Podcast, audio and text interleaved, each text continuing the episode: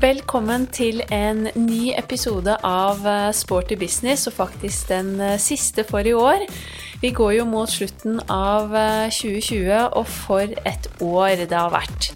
Et år vi aldri kommer til å glemme, i hvert fall, både på godt og vondt. Men dette året har jo også lært oss utrolig mye og gitt nye muligheter. Det kom et skip til Bjørgvin i 1349. Denne setningen tror jeg de fleste av oss kjenner til. I 1349 så nådde svartedauden eh, Norge, og pesten drepte til slutt over 50 eh, millioner av Europas rundt 80 millioner innbyggere på den tiden. Og verden har jo vært rammet av ulike pandemier og pest, men eh, alt dette har tilhørt historien, og jeg trodde virkelig ikke at vi noen gang kom til å oppleve noe lignende. Men nå har jeg likevel fått en ny setning som uh, iallfall jeg ikke kommer til å glemme, da Norge stengte ned 12. mars 2020. Og selv om mars og april var eh, en følelsesmessig berg-og-dal-bane ut av dimensjoner, som jeg tror, sikkert tror at eh, flere av dere i bransjen kan kjenne dere igjen i, så fikk jeg også samtidig en enorm motivasjon til å skape nye ting, ikke gi opp og jobbe enda hardere. Og det opplevde jeg virkelig også at treningsbransjen gjorde. Fikk en unik drive til å ikke gi opp. Og det synes jeg vi i denne fantastiske bransjen skal være skikkelig stolte av. Vi har vist hvilken kreativ, fremoverlent og positiv bransje vi er, og gjennom hele året så har vi inspirert og levert treningsglede, enten det har vært utendørs, på senteret eller digitalt. Så det syns jeg vi skal ta med oss inn i det nye året, og rett og slett være skikkelig, skikkelig stolte av. Nå ser jeg frem mot 2021, eh, og jeg håper at eh, det året kan gi oss litt av den normale hverdagen tilbake. Jeg avslutter denne første sesongen av Sporty business med en skikkelig fin bransjeprat med daglig leder ved Level i Tønsberg, nemlig Irene Aare, og jeg håper at denne podden kan gi dere litt ekstra motivasjon og inspirasjon inn i et nytt år, og at det kan hjelpe dere til enda bedre senterdrift, det å skape en god kultur på senteret, skape et godt miljø og lykkes på alle områder. Så riktig god lytt. Hjertelig velkommen til Sporty business, Irene. Tusen takk for det. Nå sitter vi jo faktisk på Barnepassen på Level eh, i Tønsberg. Det er jo litt av denne sjarmen med denne Sporty business-podkasten, for jeg reiser rundt og intervjuer folk i bransjen. Så nå skal vi snakke og ha en, god, en skikkelig god treningsbransjeprat fra en liten puff og sofaen på eh, Barnepassen. Vi skal ha en eh, fin, litt sånn barnslig prat om, om trening fra barnepassofaen. Det blir fint. Ja, det ser jeg frem til. Jeg kjenner jo deg ganske godt fra mange år i bransjen. Du er en sånn ringerev for meg. Og jeg var jo så heldig å få lov til å gå på kurs med deg og Anne Rige på NIH, og så fikk jeg lov til å liksom ta over stafettpinnen for deg, faktisk. Eh, og kurset sammen med Anne, så du også har jo vært et sånn idol, egentlig, for meg i treningsbransjen og gruppetreningsverden, så det er veldig hyggelig at vi nå skal ha en sånn eh, deilig bransjeprat sammen, så det setter jeg stor pris på. Men for de som kanskje ikke kjenner deg så godt, har du lyst til å si litt om hvem Irene er? Ja, eh, hvor, skal vi, hvor, skal vi, begynne? Vi er jo eh, eh, nå det jeg vil si godt voksen, eh, og da er det jo også naturlig å overlate disse stafettpinnene litt sånn videre til yngre krefter. Og det var jo veldig hyggelig at det var du som tok over, da. Men eh, eh, Tusen takk. jeg, jeg har holdt på nå i denne bransjen her i Fra den spede begynnelse i nesten 30 år. og min eh, idrettsbakgrunn var egentlig fra turn, konkurranseturn. Eh, og de første aerobic-timene jeg leverte, da sto jeg øverst på tribunen i Wilhelmsenhallen ute på Nøtterøy og hadde eh, mosjon med eh, en sal full av eh, damer. Eh, og så var det vel egentlig da jeg liksom syntes at det her var utrolig gøy komme fra en idrett hvor ting var egentlig ganske seriøst, og kunne på en måte levere bare det her med treningsglede. Um, da hadde jeg ikke noe, verken noe bakgrunn eller noe utdannelse i forhold til trening. Du ble litt sånn kasta ut i det fordi at du likte musikk og likte trening. Så det var egentlig litt flaks at det gikk bra. jeg, vi, vi, gjorde veldig mye rart. Eh, når man tenker tilbake på at man gjorde eh, på liksom midt på 90-tallet, så, så, var det jo ikke alt som eh, var like gjennomtenkt, men vi hadde det veldig gøy. Så eh, det sådde egentlig en spire på at det her var noe jeg har lyst til å, å fortsette med. Og så ble det både grunnfag idrett, mellomfag idrett, Eh, videreutdanning i forebyggende helsearbeid. Samtidig som jeg liksom fortsatte med litt sånn timer hist og her. Første ordentlige senter jeg jobba på, var jo et rent uh, aerobic-senter. Hvor vi uh, hadde timer i en sal med en stor lyskrone i taket. Og fortsatt egentlig ganske sånn uutdanna eller skolert i forhold til gruppetrening, da. Men Uh, man, traff, uh, man traff på eneren og uh, følte at, at det, liksom, det, var riktig. Og så hadde man jo trent mye selv, og, og liksom, så jeg følte at det gikk sånn passe, passe bra. Um, og så etter hvert så kjente jeg jo egentlig på det her med at jeg syntes det var morsommere å forebygge enn å reparere. og det var vel det som gjorde at det valget liksom som fulltidsarbeidende i treningssenterbransjen Eh, ble som det ble. Jeg hadde egentlig lyst til å eh, bli fysioterapeut. Men eh, så, så, kjente jeg på det at jeg hadde lyst til å, å jobbe mye mer med den friske delen. Og, og det her med trening og, og gruppetimer. Mm. Så det var det som egentlig avgjorde valget. Pluss at jeg fikk jobb på et, et sånt såkalt da fullsortimentsenter. Hvor, hvor, jeg kunne få lov til å Jeg var så heldig at jeg fikk en fulltidsjobb Eh, leverte mellom 15 og 18 gruppetreningstimer i uka og eh, kom tidlig og dro seint og egentlig syntes at det var eh, verdens beste jobb å ha. Og så må man jo på et eller annet tidspunkt eh, få en normal hverdag og en hverdag som går i hop. Så jeg eh, føler jo at eh, man, man, får en slags rolle som potet Eh, man må gjøre mye, man må stå litt i resepsjon, man må vaske litt, eh, man kan levere litt timer osv., men man syr sammen nesten sin egen stilling i forhold til å kunne, kunne fylle en arbeidsdag. Eh, så blei det etter hvert så ble jeg veldig hekta på dette med gruppetrening, og det skjønner jo helt sikkert du. Ja, veldig. ja, sånn at da eh, tok jeg jo, eh, så fort jeg hadde muligheten å utdanne meg i forhold til gruppetrening, så gikk jeg på noe som da het KFA, som, eh, som egentlig står for Kompetansebyggeren for fysisk aktivitet. Um, og lærte mer om faget eh, og ble mer og mer interessert. Og så ble jeg også fanga opp av KFA og begynte som kursholder for de. Ehm, det er jo også da de, det som på en måte liksom, var litt forløperen til Elixia Education. Og så har jeg vært innom Safe, og så har jeg vært innom NIH eh, ganske lenge. Eh, det syns jeg var fantastisk spennende, for det var på en måte i den fasen hvor eh, det å utdanne folk i gruppetrening ble en, eh, en seriøs eh, Jeg følte at det var liksom litt av det som tok bransjen et hakk videre. Ble en seriøs aktør. Eh, man kunne få studiepoeng og, og sånn, så det var, det var, utrolig gøy å få vært med på. Samtidig som jeg også liksom eh, Hva skal jeg si Steg litt i gradene sånn driftsmessig. Eh, var med å starte senter i 2002 i Horten, og var der i ti år. Og så eh, starta jo da Eh, level nå i 2016. Mm. Og her jobber du nå som daglig leder. Og da, litt potet. Ja. Og det er, jo, det er, jo, litt sånn det er fortsatt. Altså, eh, selv om man er daglig leder eh, og har, har dette eh, ansvaret ved at man sitter på toppen, så gjør man jo fortsatt eh, en del av disse potettinga. Eh, man leverer fortsatt gruppetimer. Det tror jeg aldri jeg kommer til å slutte med, for det er, det er noe av det morsomste jeg gjør.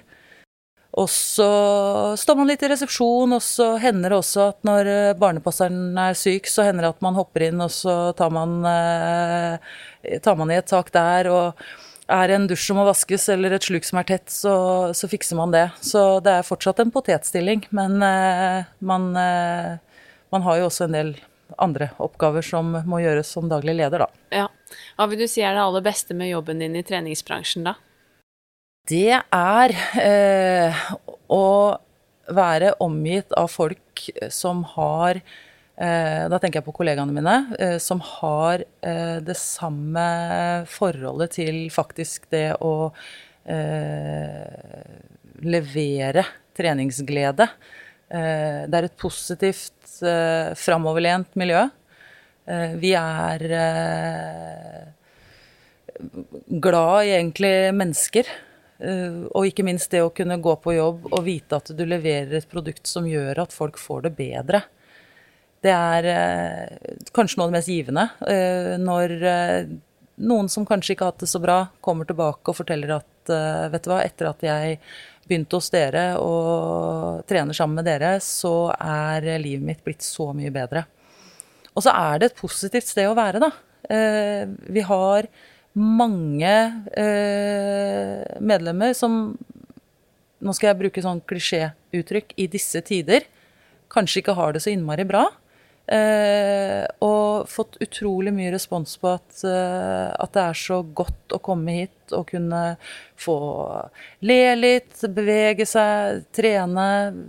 Rett og slett få, eh, få en litt sånn positiv boost inn i en kanskje ellers litt grå hverdag. Mm, virkelig, det er jeg helt enig i. Det er noe av det aller beste jeg vet med denne bransjen også. Som du nevnte, så startet du jo, eller var med å starte da Level eh, i 2016. Og det er jo et eh, fullservicesenter, også med eget eh, bad eller svømmehall. Eh, hva vil du si er unikt med Level?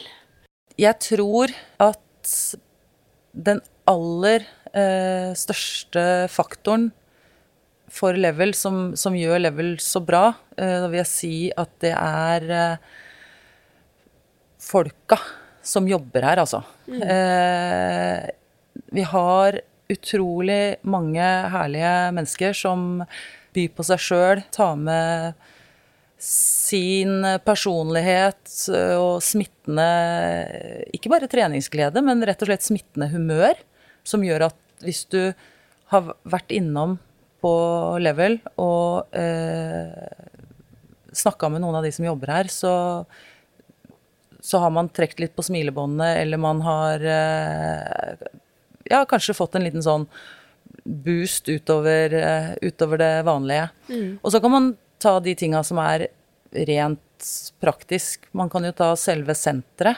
eh, det fysiske eh, miljøet som vi har rundt oss. Altså vi har et badeland. Eh, vi har eh, motto, eller visjonen vår, da, eh, er jo trening og opplevelser for hele familien. Og beliggenheten til treningssenteret er jo også midt i det vi vil kalle eller altså Søndre Slagen, som er familieland. Jeg syns det er kjempestas å ha et tilbud som også fanger opp barna. ungdom møteplass for eh, flere generasjoner sammen. Vi har eh, vanntrimtimer som, som, lokker ut de som kanskje tenker at trening ikke er noe for meg, og så ser man at de allikevel finner seg til rette i et uh, trygt miljø og trener på en trygg måte. Så ser vi også at vi har uh, mange som starter kanskje med lavterskeltrening i vannet, som på sikt tør å ta steget ut, eh, kanskje være med på noen gruppetimer, eh, får seg en PT som de kan trene med, og som, som, bygger opp formen sin fra å egentlig være på et nivå hvor man tenker at trening absolutt ikke er noe for meg. Og så er det jo, er det, jo det å kunne tilby den variasjonen. Vi har eh, alt fra vi har gruppetrening, vi har gåtimer, vi har løpetimer. Vi har eh, masse ulike saltilbud. Alt fra medisinsk yoga til bootcamp. Du skal kunne være mulig å finne noe som passer for deg. Jeg, min filosofi er jo litt i forhold til det at skal man gjøre det ordentlig, så må vi gjøre det ordentlig. Eh, og det å Skal du være et fullsortimentssenter, så skal man ha noe for eh, så å si alle. Det, det, er svært få som ekskluderes hos oss. Vi har eh, toppidrettsutøvere, atleter som finner seg til rette, og vi har eh, de som på en måte kanskje er i rehabilitering eh, etter alvorlig sykdom, mm. som også finner seg til rette. Det er jo kjempeflott. Og angående folka, så må jeg si at jeg også ble tatt imot på en utrolig hyggelig måte i resepsjonen i sted av en svært blid og sprudlende kar. Husker jeg ikke hva han heter, men tommel ja, det må, vært, det må ha vært Lars eller Roy. Eh, ja, og det var veldig hyggelig, og da tenkte jeg faktisk på det, for det er ikke så ofte jeg kommer inn på et eh, treningssenter og får eh, den, ja, den hilsningen når man kommer inn, eller det møtet, så det satte jeg også veldig stor pris på. Og det er så viktig, fordi det er eh, det det derre Det første møtet, eh, og det å bli sett, eh, og det å ikke føle at man blir møtt med en allerede innøvd frase, men at man har folk som, som Det er folk som møter folk.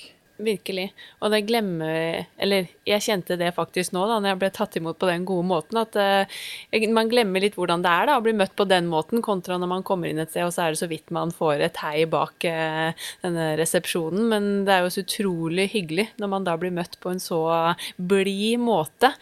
Men hvordan oppsto ideen bak Level, og hvordan var oppstarten? Ideen bak eh, Level var i utgangspunktet eh, litt Altså, den var jo sådd som et frø før jeg var inne i bildet, egentlig. Eh, utbygger her har alltid hatt en drøm om at det skulle ligge et opplevelsessenter. Så tanken med å ha et, eh, et stort senter eh, hvor man kunne bade, leke, trene, eh, omgås, litt sånt moderne grendehus, den var egentlig allerede sådd før jeg kom inn i bildet. Og så har jeg på en måte finslipa litt på produktet eh, og fylt det med de aktivitetene og det som skulle til da, for at eh, man eh, kan oppfylle den visjonen. Så badet eh, ble jo Det er jo et lite badeland. Eh, og det er risikosport, egentlig, å drive bad. alle som driver bad, de vet det. Mm vi er så heldige at vi har et lite bad, men det er stort nok til at vi kan få mange besøkende. Eh, men samtidig så er det også lite nok til at vi kan opprettholde relativt sunne driftskostnader. Så, eh, og så prøver vi å dele det inn i forhold til eh, at vi både kan ha tid for lek og moro for barna med vanskelig og klatrevegg og padlekonkurranser. Eh, og så prøver vi å bruke det til voksentrening på de utvalgte dagene og tidene som, som det er mulig. Og det, var, det, er også litt av den tanken, tanken, bak at vi har et bad, men hvordan kan vi på en måte benytte det best mulig for at alle skal eh, ivaretas. Så eh, jeg vet ikke om jeg skal si, kan si at eh, vi, eh, vi gikk noen runder med de forskjellige konseptene. Treningsmessig så følte jeg meg ganske trygg på at jeg eh, kunne gjøre de rette valga. Eh, veien rundt det her med å få benytta badet mest mulig effektivt, det var en litt lengre vei å gå. Der var det læring fra dag én. Prøving og feiling. Og så treffer man på noe, og så må man revurdere og så prøve andre ting. Vi eh, var også litt sånn smågærne i eh, oppstarten hvor vi valgte å satse på noe som heter Prama. Som eh, er jo egentlig en veldig sånn interaktiv sal. Hvor det er mye teknologi. Det er sensorer med touch i forhold til å, bli trigga av lys. Det er eh, LED-lys som skifter farge i taket, og det er litt sånn aktivitets-PlayStation eh, hvor man eh, kan treffes og, og, trene sammen. Brukte masse opp mot family-timer, barn, kids. Men vi har også godt voksentimer med det. Så det man, det man ser, da, er at vi lever jo i en verden i dag hvor vi vil underholdes. Uh, uansett hvor vi er og hva vi gjør, så skal vi ha stimuli inn uh, nesten hele tida. Og det her er jo på en måte et ledd i det eh, å gjøre trening lekent og lystbetont. Det er jo en kjensgjerning da at ikke alle liker å trene sånn som oss. Det er akkurat det. Ja, det jeg synes det høres veldig spennende ut. Jeg har jo sett dem. Vet du, er det flere, mange sentre i Norge som har et sånn uh, tilbud? Nei, altså det er eh, Det er vel uh, strengt tatt ikke så veldig mange i Norge som har tatt steget helt ut med en hel sal. Det er ett oppover i Bergen, og så er det vel noen som har elementer av det. Vi valgte å kjøre, inn, eh, kjøre det inn som et helt salkonsept i en egen sal. Men eh, den salen kan vi også bruke til andre timer. Vi kan bruke den til styrketimer og til yogatimer osv. Timer hvor du ikke Gulvet egner seg ikke så veldig for dansetimer og hoppetimer, men eh, alle andre konsepter kan vi i utgangspunktet bruke salen til, da. Ja. Så vi har faktisk eh, fortsatt stor overvekt av Prama-timer i den salen fordi at det er populære timer. Ja, spennende. Vi, temaet i dag er jo liksom senterdrift og suksessfaktorer for å lykkes. Eh, hva vil du si at dere gjorde kanskje ekstra lurt eller smart i oppstarten av Level? For jeg vet jo det at eh, det, Jeg vil jo si at det var en suksess fra dag én når dørene åpnet. Ja, eh, og det var litt sånn Litt sånn at vi kløyp oss litt i armen på det, altså. Eh, nå var det i eh, januar 2016 så var det klart at jeg skulle til Level. Og i eh, Det var ikke så fryktelig eh, lang tid etter det at jeg begynte å tenke ansatte. Fikk med meg etter hvert som det på en måte ble kjent at det kom et senter, og at det var realitet, og at jeg skulle drive det, så eh, fikk jeg jo med meg veldig mange flinke folk. Og jeg var utrolig eh, imponert, eller altså imponert Jeg var takknemlig, heter det, eh, over eh, hvor mange som hadde lyst til å være med eh, på noe nytt. Og gå fra egentlig stabile, gode, flotte sentre eh, til å liksom være med meg i drømmen min det, det, var jeg veldig takknemlig for. Og det vi kjente litt på, da, det var jo hvordan skal vi begynne å, å markere oss tidlig? Fordi oppstarten var jo beramma til å være august 2016, og nå var det på en måte mars-april. Og det er et halvt år til vi skal komme i gang. Å åpne et stort fullsortimentsenter i dag er risikosport. Vi har høye løpende kostnader fra dag én, og vi tenkte at vi kan ikke åpne et senter med null medlemmer. Her må, vi, her må, vi, på en måte komme i gang, og vi må få vist fram alle de flotte folka som skal jobbe hos oss. Så vi eh, starta rett og slett med gratistrening ute i april. Hvor vi brukte disse som allerede var på plass. Eh, begynte å skape litt eh, kjennskap til oss ut ute i markedet. Vi, hadde, vi var veldig aktive på, på Facebook. Vi Kjørte presentasjon av de ansatte på, ganske tidlig ute. Vi eh, valgte å få det opp og fram så fort som mulig.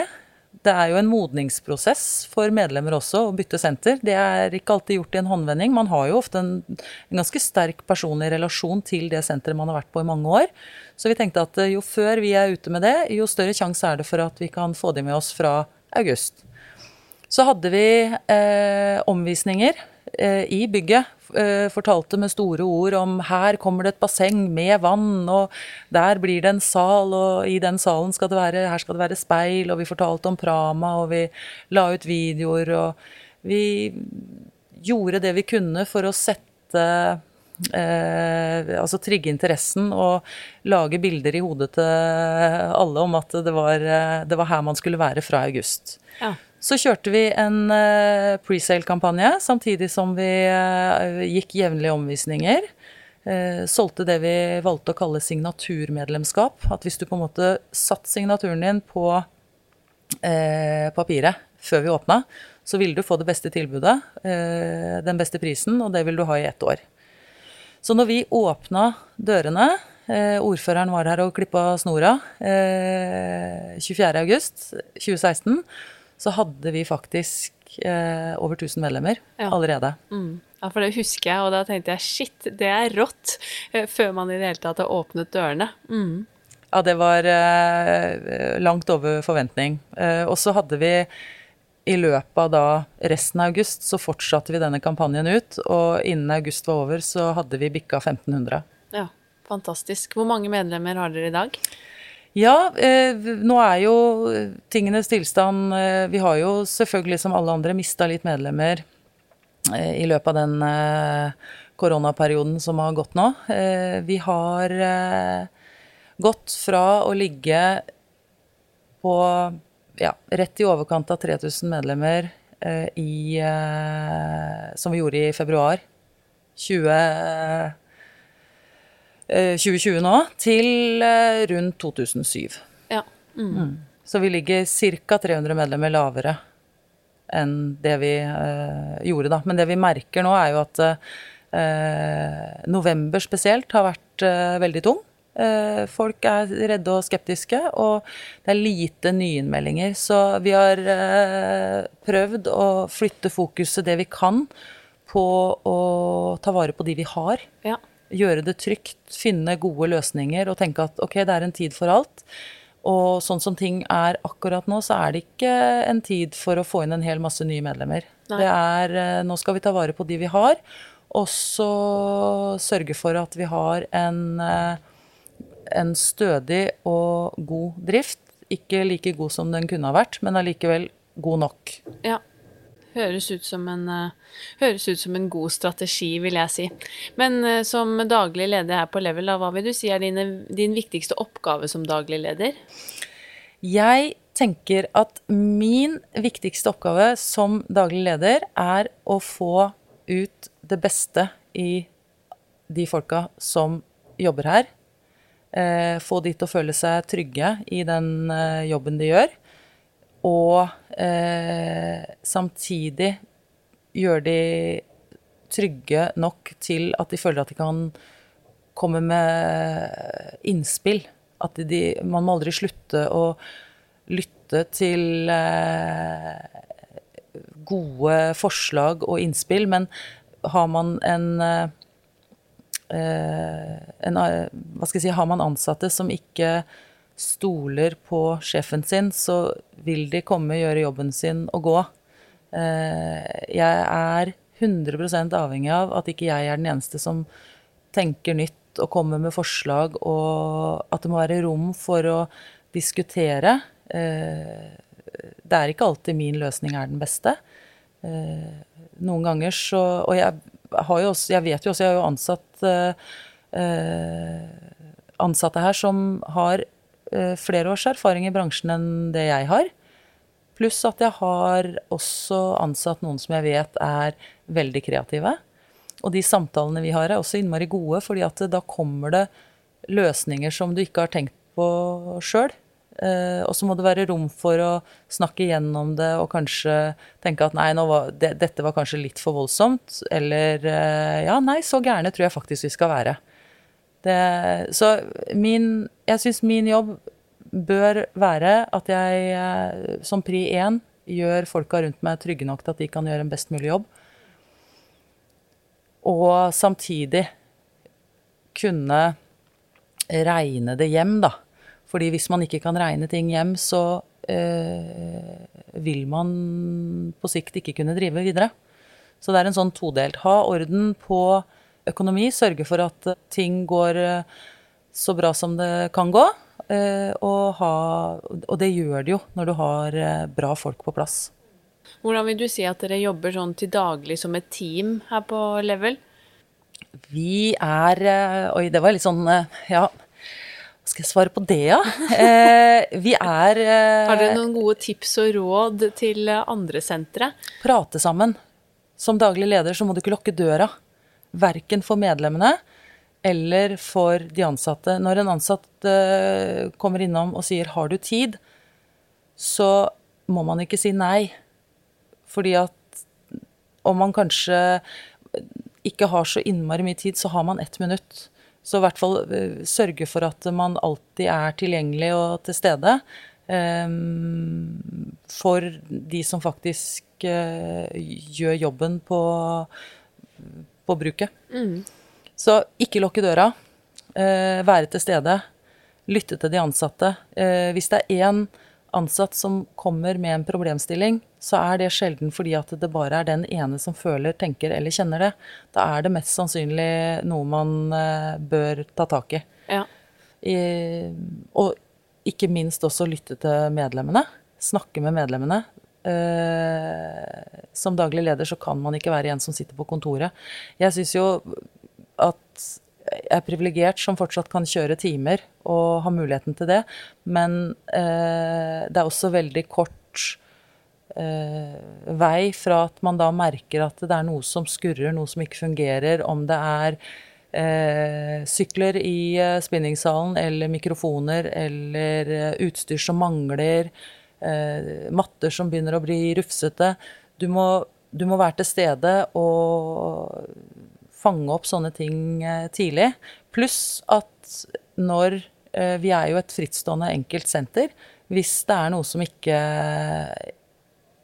fungerer hos oss, så er det kort vei til å få fiksa det. Ja.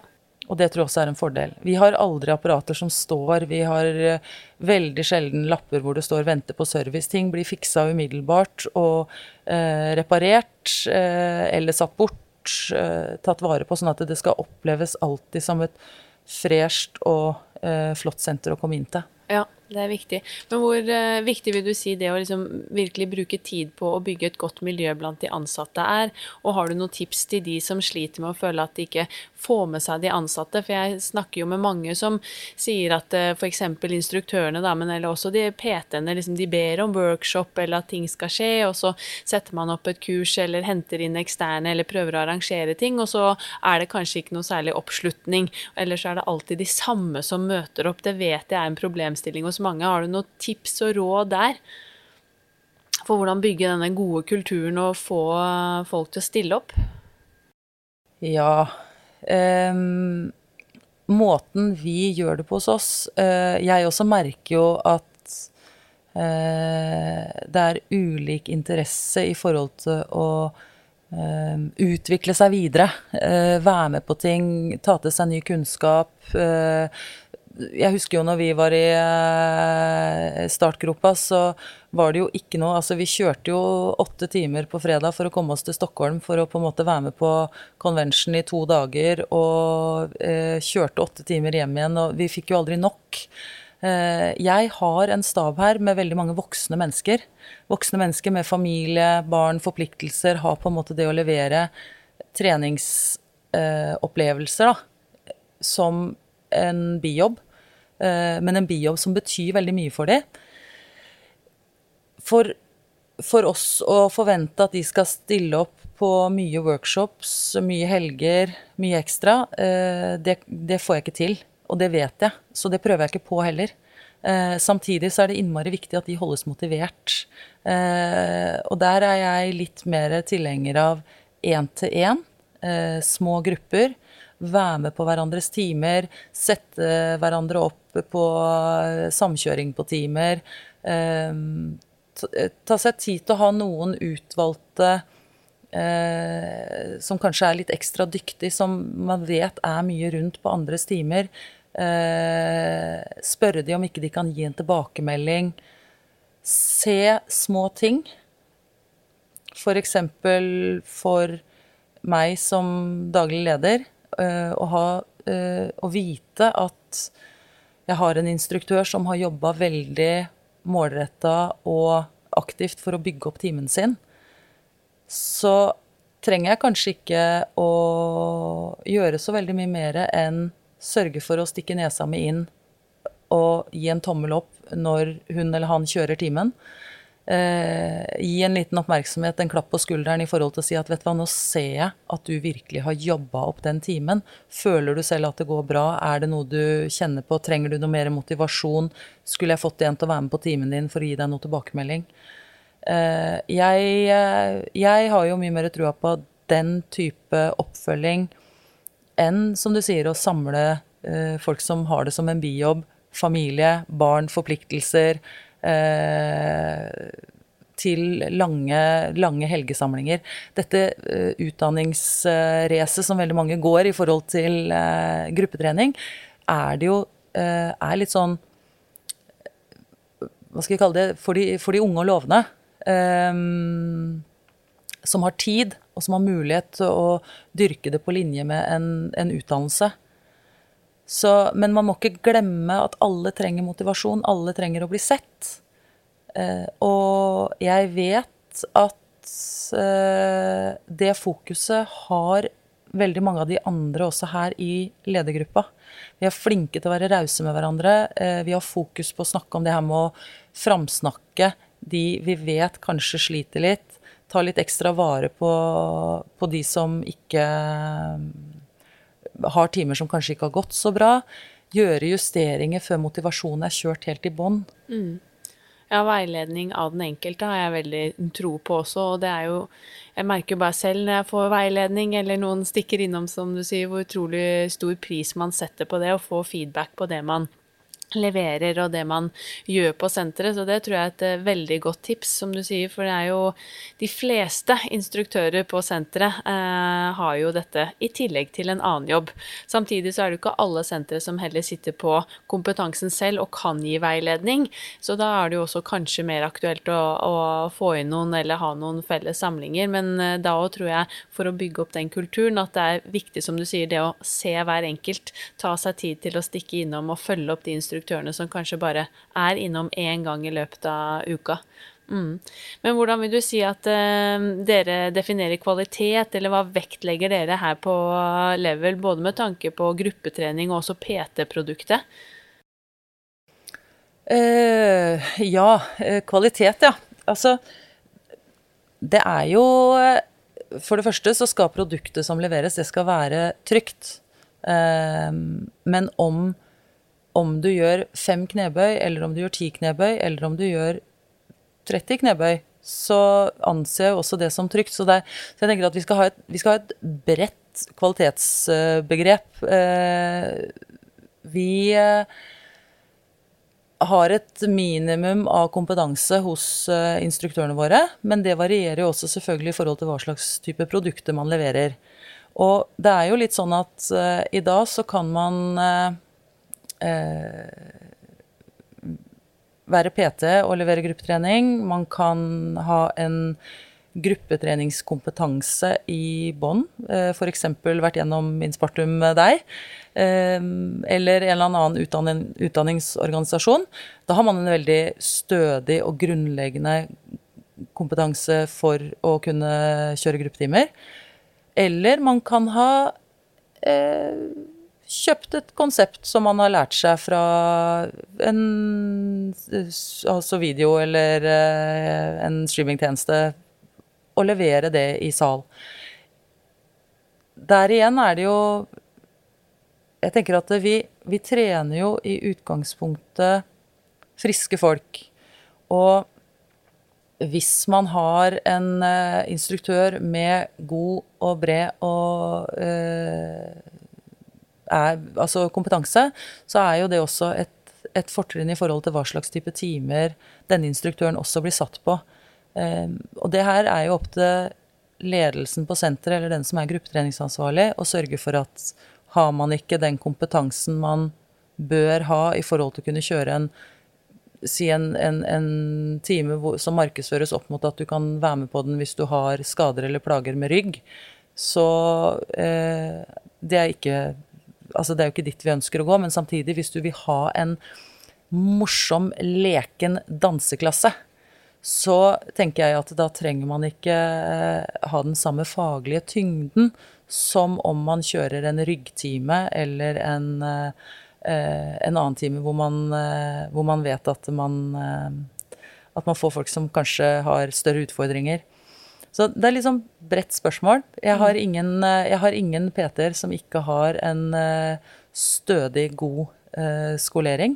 Jeg har godt voksne instruktører. jeg har noen morsomme Jeg har noen morsomme eh, instruktører nå som har eh, bikka, bikka 30. Jeg skal ikke nevne noen navn, eh, men det er mulig at vedkommende har vært gjest i podkasten din allerede. Som sier at han syns det er så fint å jobbe her fordi han føler seg så ung. Ja, ikke sant?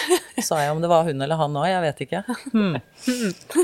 Eh, så jeg tenker det går, på, det går på å møte folk, det går på livserfaring, eh, og det går på det å kunne lese mennesker. Det, er et, det er en ekstremt stor del av det å være instruktør. Det Ja. å klare å kommunisere og fange opp.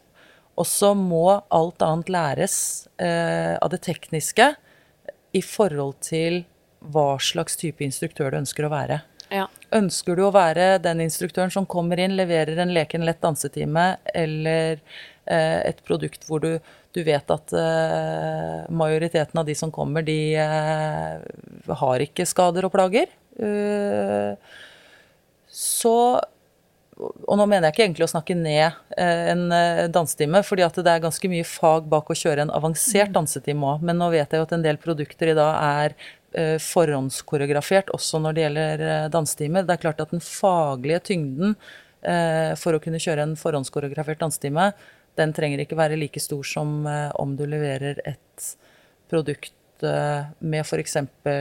mer styrketrening, eh, rehabiliteringstrening osv. Ja, og dette spørsmålet omkring kvalitet også er jo egentlig veldig spennende å diskutere, for vi har jo på en måte hvert fall knyttet til gruppetrening spesielt, da, så er det jo litt sånn hvem, hvem, altså, hvem er det som definerer kvalitet i dag? For vi har jo ingen standard i treningsbransjen, eh, egentlig. Og det er jo litt sånn opp til eh, ja, medlemmene og kundene nesten som definerer eh, kvaliteten på produktet. Ja. Og så, vi er også litt sånn, det er Jeg er veldig enig. Og så er eh, Hva er det vi eh, Hva er det vi ønsker oss Hva er det medlemmene ønsker å sitte igjen med når de har vært på en gruppetime?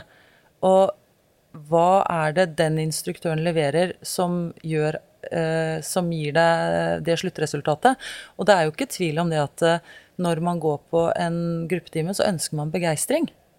Eh, og hvordan skal man definere kvalitet i evnen til å begeistre? Ja. Det, vi, er, vi er inne på eh, ting som det er veldig vanskelig. Men det man ser, da, det er jo at eh, bredden på step, eh, step touch eller sidesteget har veldig lite å si. I forhold til om du trekker fullsal eller halvfullsal. Og det er den evnen til å begeistre, samtidig som man må levere et minimum av kvalitet på selve treninga, fordi man ønsker jo samtidig å få folk i form. Ja, det er akkurat det. Man ønsker å levere sikker trening og god eh, treningseffekt, eller skape god intensitet. Så det er som du sier, det er jo Men det er jo det med gruppetrening, når vi er inne på det temaet, da, det er jo veldig komplekst. Det er jo en veldig kompleks rolle det å være instruktør, for du skal både være da entertainer og en fagperson, gjerne, og du skal eh, da få ja, gi folk lyst til å komme tilbake igjen og igjen, samtidig som du skal levere et godt og gjennomtenkt eh, produkt. Og det krever jo også selvfølgelig helt ja, ulike kvaliteter fra hvilken eh, time du kjører. Mm.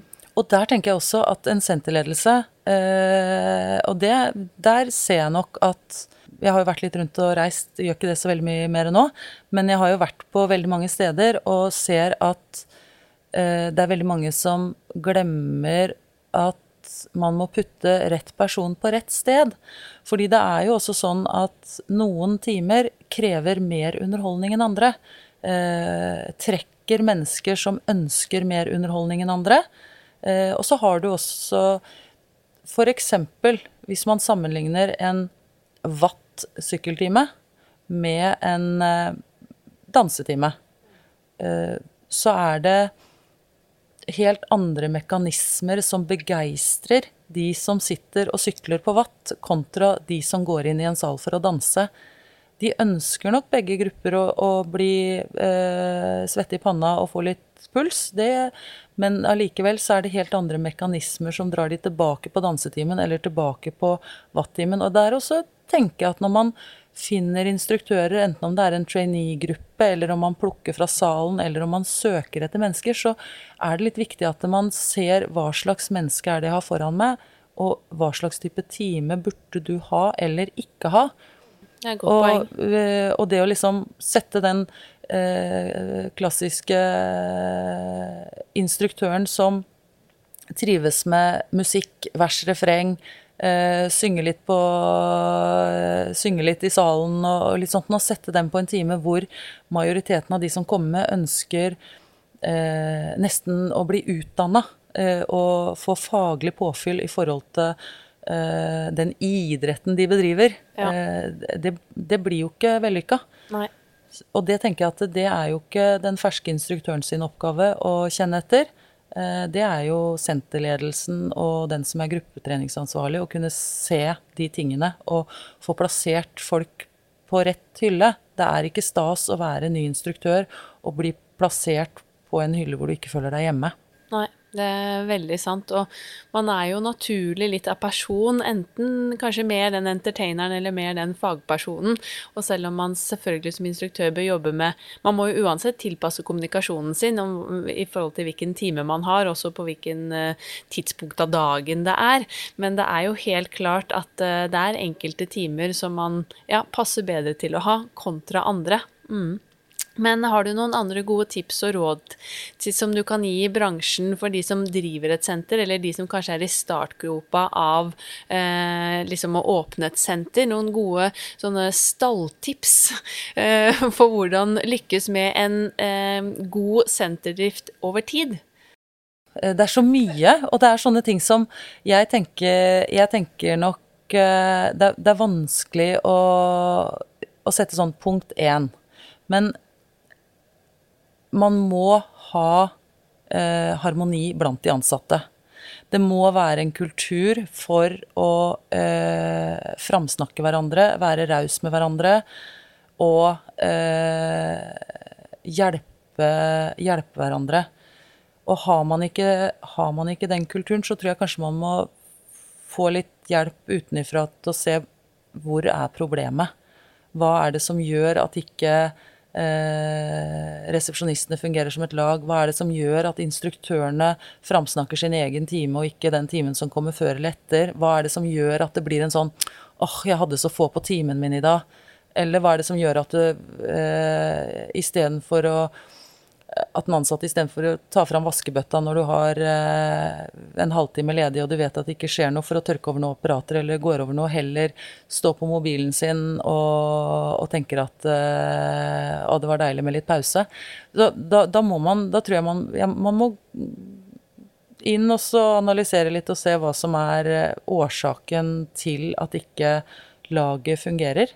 Um, for de ansatte er den viktigste, den aller, aller viktigste ressursen du har. Det er de som eh, ror båten. Mm, helt klart. Eh, også eh, er jeg også Jeg hører også fryktelig mange medlemmer som sier at de syns det er så fint å være her, fordi at eh, du vet at eh, alt eh, At ting fungerer. At ting er oppe å gå. så ikke, ikke la disse vente på servicelappene stå på i evig tid. Um, hvis ikke vi klarer å ha alle syklene våre oppe og gå, så tar vi de syklene ut av salen og så setter vi lavere antall i bookinga. Det fins ikke mer demotiverende enn å komme, og så veit du at du skal løpe på mølla, og så ser du at ja, det er to møller ledige, og så når du kommer nærmere, så ser du at det står og venter på service. Og så henger den lappen der i én eh, måned. Da må man gjøre noe med det. Ting må være oppe og fungere. Det er mange som eh, fjerner eh, ting som eh, timer som går dårlig. Det er mange som har en litt sånn slett avlysningspolitikk på timer når ikke det møter opp mer enn det, det, verste jeg har hørt, er at det er det mindre enn fem medlemmer, så avlyses timen. Ja. Eh, det er tøys. Eh, veldig, timer, skal, veldig, veldig timer skal aldri avlyses. Eh, med mindre det kommer én person og hun sier 'da vil jeg ikke'. Eh, da er det greit. Men da syns jeg også at uh, instruktøren skal si til denne som ikke vil, og si at men kan ikke vi Du, har du lyst til å trene styrke, eller har du lyst til å trene kondisjon? Kan ikke vi gå på mølla sammen og prate litt, eller Altså, man skal være på tilbudssida. Respektere den tiden til de faktisk de to, tre, fire som har møtt opp at de har lyst til å trene. Ja, Og de er like ja. viktige som om det hadde møtt opp eh, ti andre. Og hvordan skal man klare å bygge opp en time hvis man vet at nei, den timen blir mest sannsynlig avlyst? Så i det øyeblikket man begynner med en sånn politikk, så har man sendt den timen i grava. Og så, eh, eksempelvis da, når vi hadde Vi måtte jo stenge i eh, Nå er vi heldige og oppe, da, så jeg ser at du er litt misunnelig på oss eh, for det. Men i den perioden vi stengte, de tre månedene vi stengte, så eh, pussa vi opp senteret. Og vi eh, malte, og vi bygde en, et ekstra toalett i garderoben. Eh, vi gikk over alle søyler og vegger og hang opp kroker til strikker. Og vi gikk over sånn at senteret skulle fremstå som ekstremt fresht og fint eh, når vi åpna igjen. Det er lett å spare seg til fant. Eh, det er lett å skru igjen fordi man tenker at åh, oh, nå er det kjipe tider. Samtidig så er jo det egentlig bare å si at uh, jeg godtar at det går dårlig. Um, det er en pressa bransje, og det er små marginer. Så man er veldig sårbar i forhold til å miste medlemmer og Det skal ikke så mye til da, før, man, kjenner at det svir litt. Men vi må, jo ikke, må jo ikke slutte å gjøre de tinga som vi kan gjøre relativt rimelig. Og det å kjøpe noen malingsspann og flekke over litt og pynte litt, eh, vaske litt ekstra eh, Ja. Sånne ting som det. Ikke, ikke løfte blikket, se seg rundt. Eh, kunne, vi, kunne vi malt en vegg? Ja. Det er ikke så veldig lenge siden nå, det er vel bare en ukes tid siden, så fant vi ut at vi hadde lyst til å gjøre veggen bak resepsjon og søylen eh, svart. Eller det vil si at det var hun hun som er veldig kreativ som uh, Gro, som jeg jobber sammen med, det var hun som sa hun hadde drømt at det ble innmari fint. Og da tenkte jeg at ja, ja, hvorfor ikke? Ja. Så gjorde vi den veggen svart. svart og uh, bare opplevelsen av å komme inn i resepsjonen for de som har gått og sett den veggen grå nå ganske lenge, at den plutselig er svart. Altså små, veldig små ting. Mm. Det er nok ikke avgjørende, men uh, samtidig så Det skjer noe. Ja. ja. Og det må hele tiden ja, følge opp, som du sier, at alt funker, gjøre det lille ekstra, freshe opp. Det er jo utrolig viktig og en del av det å være profesjonell, vil jeg si, helt ut i fingerspissene. At man ser at her blir det tatt tak, at ikke ting forfaller. Og det er jo hyggelig å komme og se at oi, her gjør de virkelig en innsats for at vi som medlemmer skal trives. Her gjør de det lille ekstra. Mm. Mm. Men over til et litt sånn folkehelseperspektiv. Jeg er jo ganske opptatt av det og nysgjerrig på hva folk i bransjen tenker om det. For vi som jobber i bransjen, vi ser jo på oss eh, selv som en viktig aktør eh, i dette folkehelsearbeidet. Hvordan syns du vi ligger an? Syns du vi gjør en god jobb, eller hva kunne vi eventuelt gjort bedre? Hvis man tar treningssenterbransjen sånn som helhet, så tenker jeg at eh, veldig mange gjør en veldig, veldig god jobb. Og så er det en del som ikke gjør en så innmari god jobb. Eh, en av de tingene som skader treningsbransjen litt, er at eh, du kan, du kan, kalle deg treningssenterdriver, eller du kan drive et treningssenter. Eh, og så kan det være eh, alt fra eh, fire apparater i en kjeller til eh, sånn som eh, veldig mange flotte, fine fullsortimentssentre med høyt skolerte og faglig utdanna mennesker. Jeg tror at eh, vi, hvis vi skal si at treningssenterbransjen er en folkehelseaktør, så må vi differensiere. Vi må få på plass en standard for bransjen som sier noe om eh, hva kreves av de sentrene som eh, skal få det kvalitetsstempelet. Og så må vi nok eh, kanskje få marginene litt mer på vår side. Eh, vi må ha enda større fokus på å ha kvalifiserte eh, instruktører, PT-er, eh, ansatte på jobb. Jeg syns det er synd at veldig mange sentre gjør det de kan for å fjerne eh, den menneskelige ressursen på treningssentrene.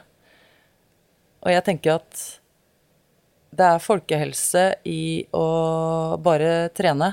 Det er folkehelse i å løpe seg en tur i skogen, eh, gå seg en tur, velge trappa istedenfor heisen. Det er så innmari mye det er folkehelse i, da. Mm. Men for oss som driver treningssenterbransjen, for å kunne bli tatt seriøst, så må vi også oppføre oss seriøst. Ja. Og det er jo ikke bare å åpne dørene og si det at hei, her har vi en hel masse apparater og en masse fancy ting.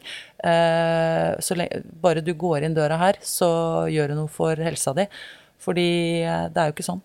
Nei, jeg er veldig glad du sier det, for jeg opplever vel det at vi i Eller treningsbransjen som helhet da, dessverre fortsatt har et litt ruskete rykte, kanskje.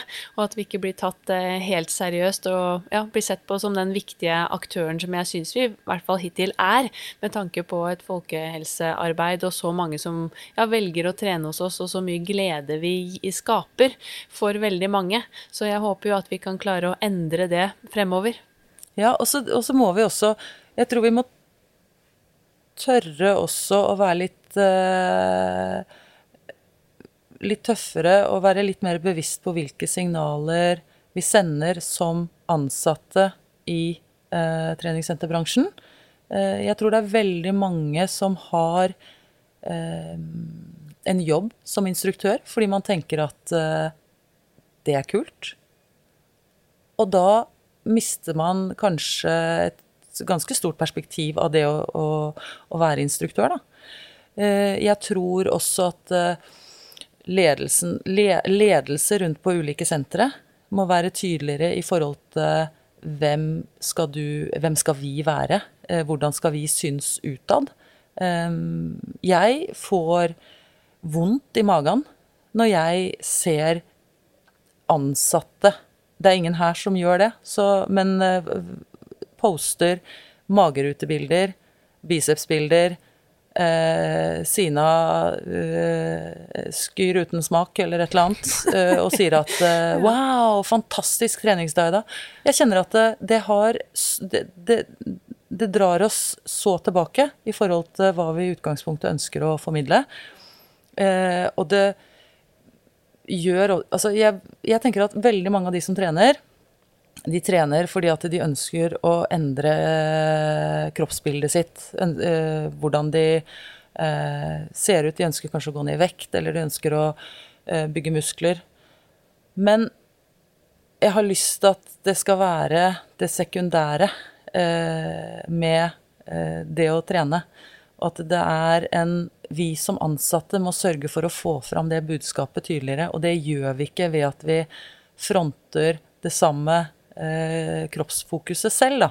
Nei. Så jeg har uh, hatt uh, praten med alle mine, jeg, og sagt at uh, her er det ingen som, som skal på en måte ta bilde av seg selv og sin vellykkethet eh, for å, for å, fronte det ut. Det er på en måte ikke det budskapet vi ønsker å signalisere. Nei, og det tror jeg er veldig viktig, det du skisserer der. Og at senterledelse kan tørre å ta litt mer tak og stille litt mer krav. Eller at man også er tydelig på det i forventningsavklaringen når noen ansettes. Sånn at man allerede har lagt det til grunn fra starten. Eller som du sier, da, de instruktørene som bare blir instruktører fordi det er kult, eller fordi ja, men jeg kan ta en uke eller en time i uka for få trene gratis. Det er på en måte motivasjonen bak. Så er det jo et feil, et feil, motiv for å være instruktør, og det tenker jeg det er jo ledelsen sitt ansvar i det du da ansettes som instruktør, og at man skal være tydelig på de forventningene og de verdiene man legger til grunn og har som senter også. Ja, og det, det var jo også en fordel, for i og med at vi er et relativt nystarta eh, et nystarta senter, så kunne jeg også legge de føringene fra start. Det er lettere å si at nå, eh, nå bretter vi opp armene og bygger opp noen fra bånda. Og jeg vil at dette skal være et senter hvor vi fokuserer på helse, folkehelse, eh, menneskelighet. Vi skal ha Vi skal ikke bygge opp under allerede kroppshysteriet som eh, veldig mye unge mennesker, men ikke bare unge mennesker, eh, sliter med. Og vi, man kommer jo ikke unna Eh, de er jo Altså, vi har jo den problemstillinga også hos oss, at vi ser at det er eh, mange som trener for mye, eller eh, kanskje Hva skal jeg si, sette det litt på spissen, da. Eh, kommer og kjører 45 minutter med rumpe. Og så tenker jeg ok, eh, hvorfor gjør du det? altså, og det er jo Sånn er samfunnet vårt blitt, da. Dessverre. Men jeg tenker at da skal vi heller kunne tørre å gå bort og ta den praten da, og si det at vet du hva, er ikke lurt å gjøre litt sånn, eller burde du ikke heller gjøre litt sånn? Og det samme med hvis man ser at det er noen som overtrener og underspiser, tørre å si 'går det bra'? Eh, være litt eh, Prøve å være litt proaktive og eh, ikke, ikke liksom gjøre det enkleste, da, som er å kanskje lukke døra og se en annen vei og tenke at ja, ja, du har disse overalt. Mm. Ja, og at vi, vi, har jo helt klart et moralsk ansvar der, vil jeg si. Og det er jo også det som da eventuelt kan ta oss videre og ja, gjøre oss til den profesjonelle folkehelseaktøren. At vi våger å ta tak i sånne problemstillinger, stille spørsmål, eh, heller si fra en gang for mye enn en gang for mye, eh, eller en gang for lite. Og virkelig hjelpe de menneskene vi møter. For vi møter jo mange, så vi har jo en unik mulighet til å bidra, og bidra i positiv retning. Men uh, vi to kunne jo ha skravla i det uendelige om denne fantastiske bransjen vår, så vi skal begynne å runde av. Uh, har du noen andre ting, for vi har snakket mye om hva som er så bra med denne bransjen, men har du noen andre ting du kunne ønske at vi som helhet kunne blitt enda dyktigere på? Altså, vi er jo litt tilbake Vi, vi er litt tilbake på, på, det vi egentlig har, uh, har allerede snakka om, er at balansegangen eh, mellom dette eh, helseperspektivet sett opp mot eh, kroppsperspektivet. Eh, det Jeg føler Hadde du spurt meg for to år siden, så hadde jeg vært veldig bastant på det. At uh, da ville jeg uh, Bransjen må gjøre noe med dette evinnelige kroppsfokuset. Vi er nødt til å slutte å ansette folk som syns det er fint å stå og instruere andre i hotpants og knestrømper. Det er mm. ikke Altså, og uh, det er som du sier, 90 av, eller det var kanskje å ta i, fryktelig mange, nesten alle som kommer inn på et treningssenter, er i utgangspunktet ikke kanskje 100% fornøyd med tingenes tilstand. Og ser opp til veldig mange av instruktørene fordi at de har Eh, de utstråler en glede og en eh, energi som man, som man kanskje ønsker seg selv. Da. Så det å få bukt med dette eh, kroppsfokuset Få tilbake treningsgleden. Få folk til å la eh,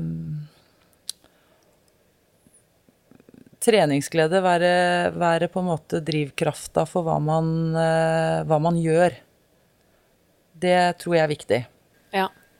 Ta alle elementene av Eller alle Alle ansatte, uh, alle funksjoner på senteret like seriøst. Være Uansett om det er de som gjør reint, eller de som sitter i eh, eh barnepassen eller resepsjon eller PT-ene. Det er Alle som jobber på et senter, skal på en måte ses på som et lag, et team. Um, jeg er stolt av å kunne ha et team her hvor eh, PT-ene og resepsjonistene snakker sammen om hvordan de kan gjøre senteret best mulig. Det er eh, Det er også, tror jeg, kjempe, kjempeviktig, for det løfter kvaliteten på senteret som en helhet. Mm. Veldig, veldig fint eh, sagt. Litt sånn sikkert tatt ut av egentlig, eh, ja. Men eh, det som ikke er bra med bransjen, det er faktisk at vi har, vi har fortsatt et feil fokus i forhold til ja, kropp. Ja, vi har det. Det er liksom eh, Bransjen er fortsatt for fortsatt de spreke og ja, de som liker å trene. Og syns det er gøy å holde på med aktivitet eh, dagen lang. Så vi må, ja, vi må klare å fange breddene eh, fremover. Men eh, vi får la det være siste ord for i dag. Så tusen hjertelig takk, eh, Irene, for en veldig fin bransjeprat. Jeg tror vi har fått gitt også lytterne våre mange gode ja, tips, råd, og at det kanskje har satt i gang litt eh, og tanke for eh, hva de kan ta med seg inn i hverdagen på deres eh, sentre. Så jeg er veldig glad for at du ville stille opp, så tusen hjertelig, hjertelig takk. Og det var kjempehyggelig å kunne si eh, ja også, så takk for at du spurte.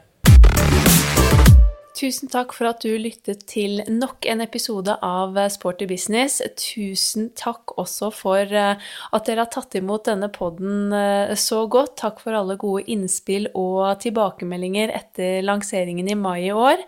Nå gleder jeg meg virkelig til en ny sesong fra 5.1.2021. Håper at eh, du der ute som eh, hører på, får en eh, superfin julefeiring, selv om den blir litt annerledes akkurat i år. Og jeg håper også du får et godt nytt år. Ta vare på hverandre. Vi poddes igjen i 2021. God førjulstid. Denne podkasten produseres av Inspartum Akademi og North Stories.